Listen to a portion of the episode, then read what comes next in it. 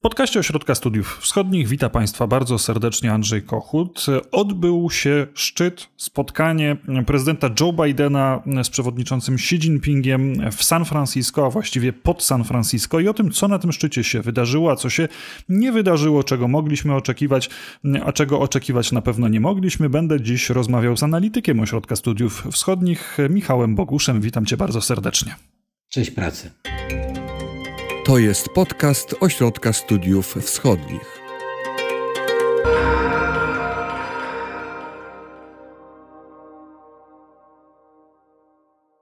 Czy obserwując to, co wydarzyło się mm, w Stanach Zjednoczonych, czy czytając komunikaty obydwu stron, możesz powiedzieć, że jesteś rozczarowany brakiem jakichś spektakularnych efektów, czy też e, ten szczyt zakończył się dokładnie tak, jak należało się tego spodziewać?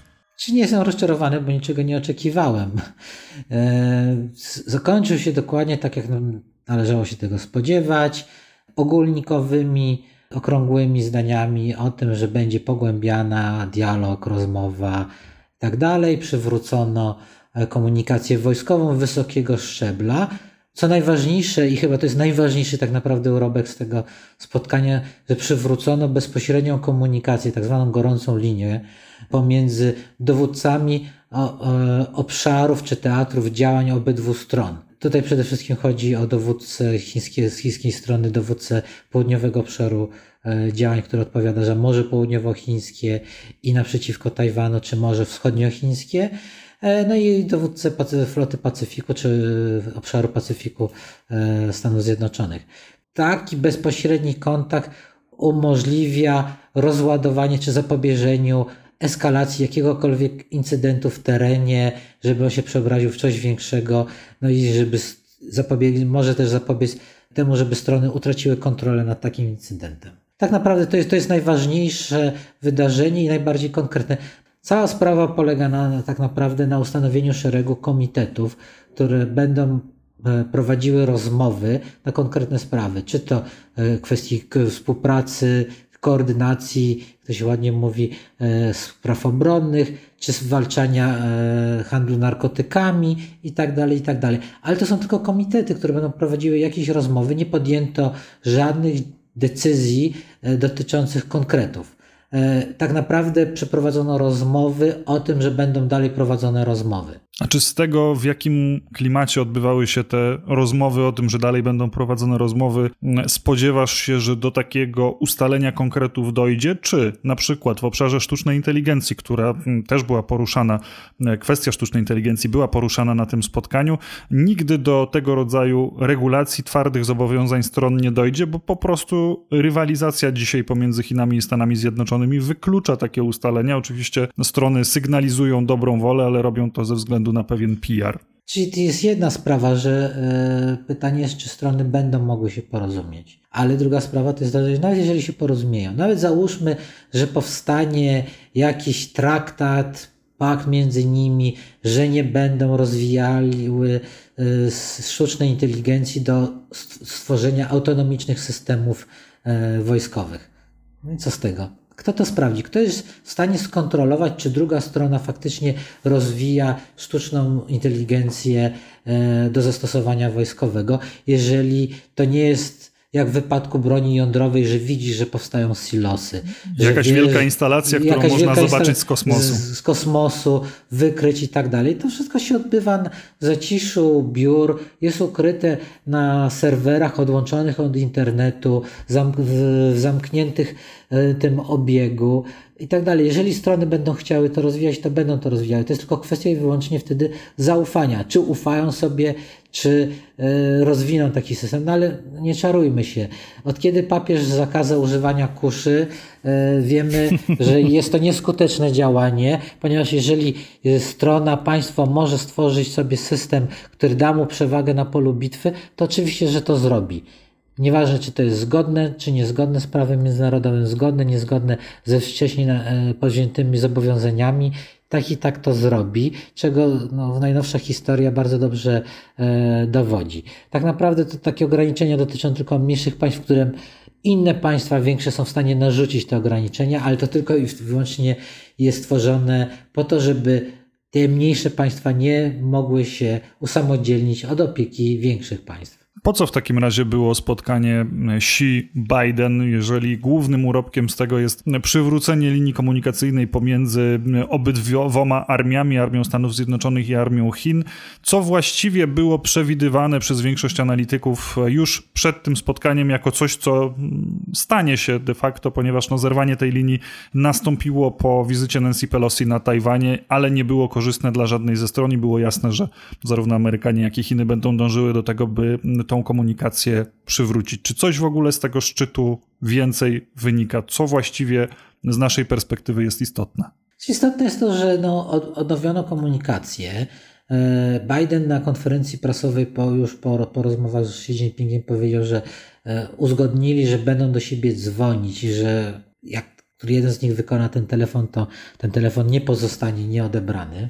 Przynajmniej tak to można zrozumieć. Więc no, jakby to odtwarza bezpośrednie linie komunikacji, no, które mają właśnie, podobnie jak dialog wojskowy na tym najniższym szczeblu, jak i na tym najwyższym szczeblu państwowym między przywódcami obydwu państw, ma ograniczyć czy zapobiec y, niepożądanej eskalacji z obydwu stron. Czyli byśmy powiedzieli, że dalszy rozpad y, relacji chińsko-amerykańskich jest nieunikniony, ale obydwie strony chcą kontrolować ten rozpad co samo w sobie jest pozytywnym sygnałem, pozytywnym czynnikiem. Druga sprawa to jest y, też okoliczności, do jakich doszło do tego spotkania. Wydaje się, że to Chińczykom tym razem bardziej zależało na, na tym spotkaniu. Z przecieków y, wiemy, że stawiali szereg warunków i to praktycznie do ostatniej chwili, aż do piątku, kiedy dopiero w piątek potwierdzono przyjazd Xi Jinpinga do San Francisco. Stawiali szereg warunków, ale Amerykanie je odrzucali, jeden po drugim, a mimo to Xi Jinping przyjechał, co wydaje się potwierdzałoby przypuszczenia, że stan chińskiej gospodarki jest gorszy niż y, władze w Pekinie to przyznają i jest nawet gorszy niż wielu ekspertom się, się wydaje, dlatego że y, ewidentnie Pekin dąży do uspokojenia tych relacji, ponieważ zakłada, że jednym ze sposobów wychodzenia z trudności gospodarczych będzie zwiększenie inwestycji, ale tym razem nie inwestycji infrastrukturalnych, tylko w mocy produkcyjne. I żeby to się opłacało, musi zwiększyć presję eksportową na resztę świata. I żeby, to, żeby świat był gotowy kupować więcej chińskich produktów, no to musi być uspokojenie na arenie międzynarodowej i generalnie kondycja światowej gospodarki musi się poprawić, a do tego jest z kolei niezbędne, jednym z niezbędnych elementów jest y, ustabilizowanie relacji między Stanami Zjednoczonymi a właśnie Chinami. I wydaje się, że to był taki też jeden z podstawowych celów e, Xi Jinpinga. No inne są też oczywiste. Prawdopodobieństwo, że Trump wróci do władzy w Stanach Zjednoczonych powoduje, że Pekin chciałby uregulować te relacje ze Stanami Zjednoczonymi tam, gdzie się da, już teraz, bo kto wie, co będzie później. Też jest kwestia czystki w wojsku chińskim. Nie do końca wiemy, co się dzieje. Zniknięto i później usunięto najpierw ministra obrony, wcześniej jeszcze była czystka w dowództwie wojsk rakietowych. Teraz chodzi plotka po Pekinie, że e, zniknięto część dowódców lotnictwa. Nie jest to jeszcze potwierdzone, czy faktycznie oni zniknęli, czy może są po prostu na urlopie, ale coś się dzieje w wojsku. No i w tej sytuacji Pekinowi też nie, może nie zależeć na niekontrolowanych napięciach ze Stanami Zjednoczonymi, no bo e, w momencie, kiedy wojsko się sypie albo jest w stanie rozkładu, dowództwo z różnych powodów, no to nie jest to korzystna sytuacja. Więc jest tutaj kilka szereg elementów, które pokazują, że no, sytuacja w Pekinie nie jest wesoła, no i z tego też powodu e, Xi Jinping zdecydował się na wykonanie szeregu gestów jeszcze przed przyjazdem do San Francisco, żeby przekonać Amerykanów, że faktycznie teraz jest gotowy do zawarcia jakiegoś porozumienia, które ustabilizuje e, relacje między stronami, przynajmniej do wyborów w Stanach Zjednoczonych w przyszłym roku. Można powiedzieć, że obecnie żadna ze stron eskalacji sobie nie, nie, życzy, bo przecież Stany Zjednoczone mierzą się i z kwestią Ukrainy, i Izraela, no i właśnie Bidena czekają te wybory w 2024 roku. W związku z tym walka o Tajwan zostaje odłożona? Walka o Tajwan odbywa się na dzień dzisiejszy przede wszystkim w przestrzeni retorycznej. Chiny nie są gotowe do przeprowadzenia e, jakiejś poważnej operacji wobec Tajwanu na dzień dzisiejszy, tak? Za parę lat mogą już być do tego gotowe, ale nie, nie na dzień dzisiejszy. W styczniu są wybory na Tajwanie i wydaje się, że Pekin liczy na to, że bardziej ugodowa partia, czyli Kuomintang e, razem z partią, z tajwańską partią ludową w sojuszu będą w stanie odzyskać władzę.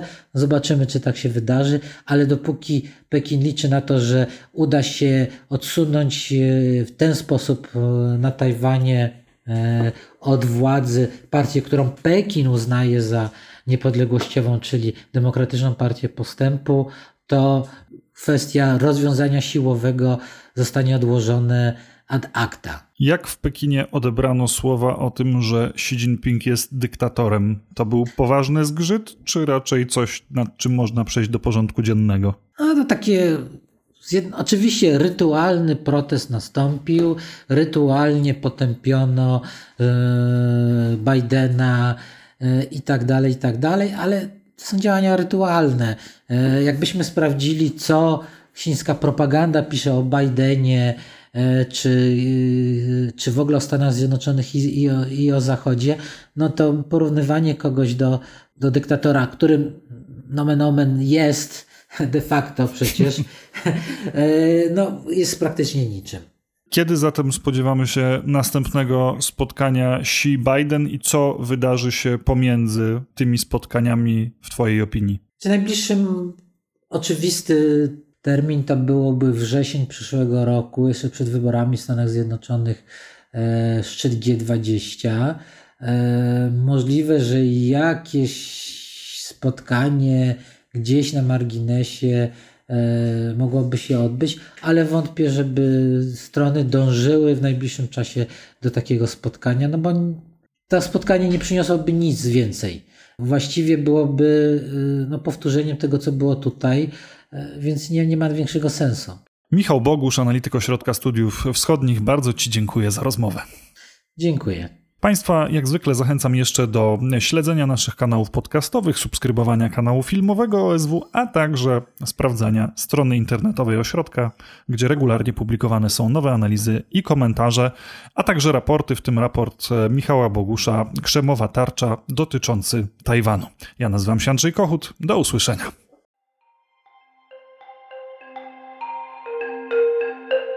Wysłuchali Państwo podcastu Ośrodka Studiów Wschodnich. Więcej nagrań można znaleźć na stronie www.osw.waw.pl.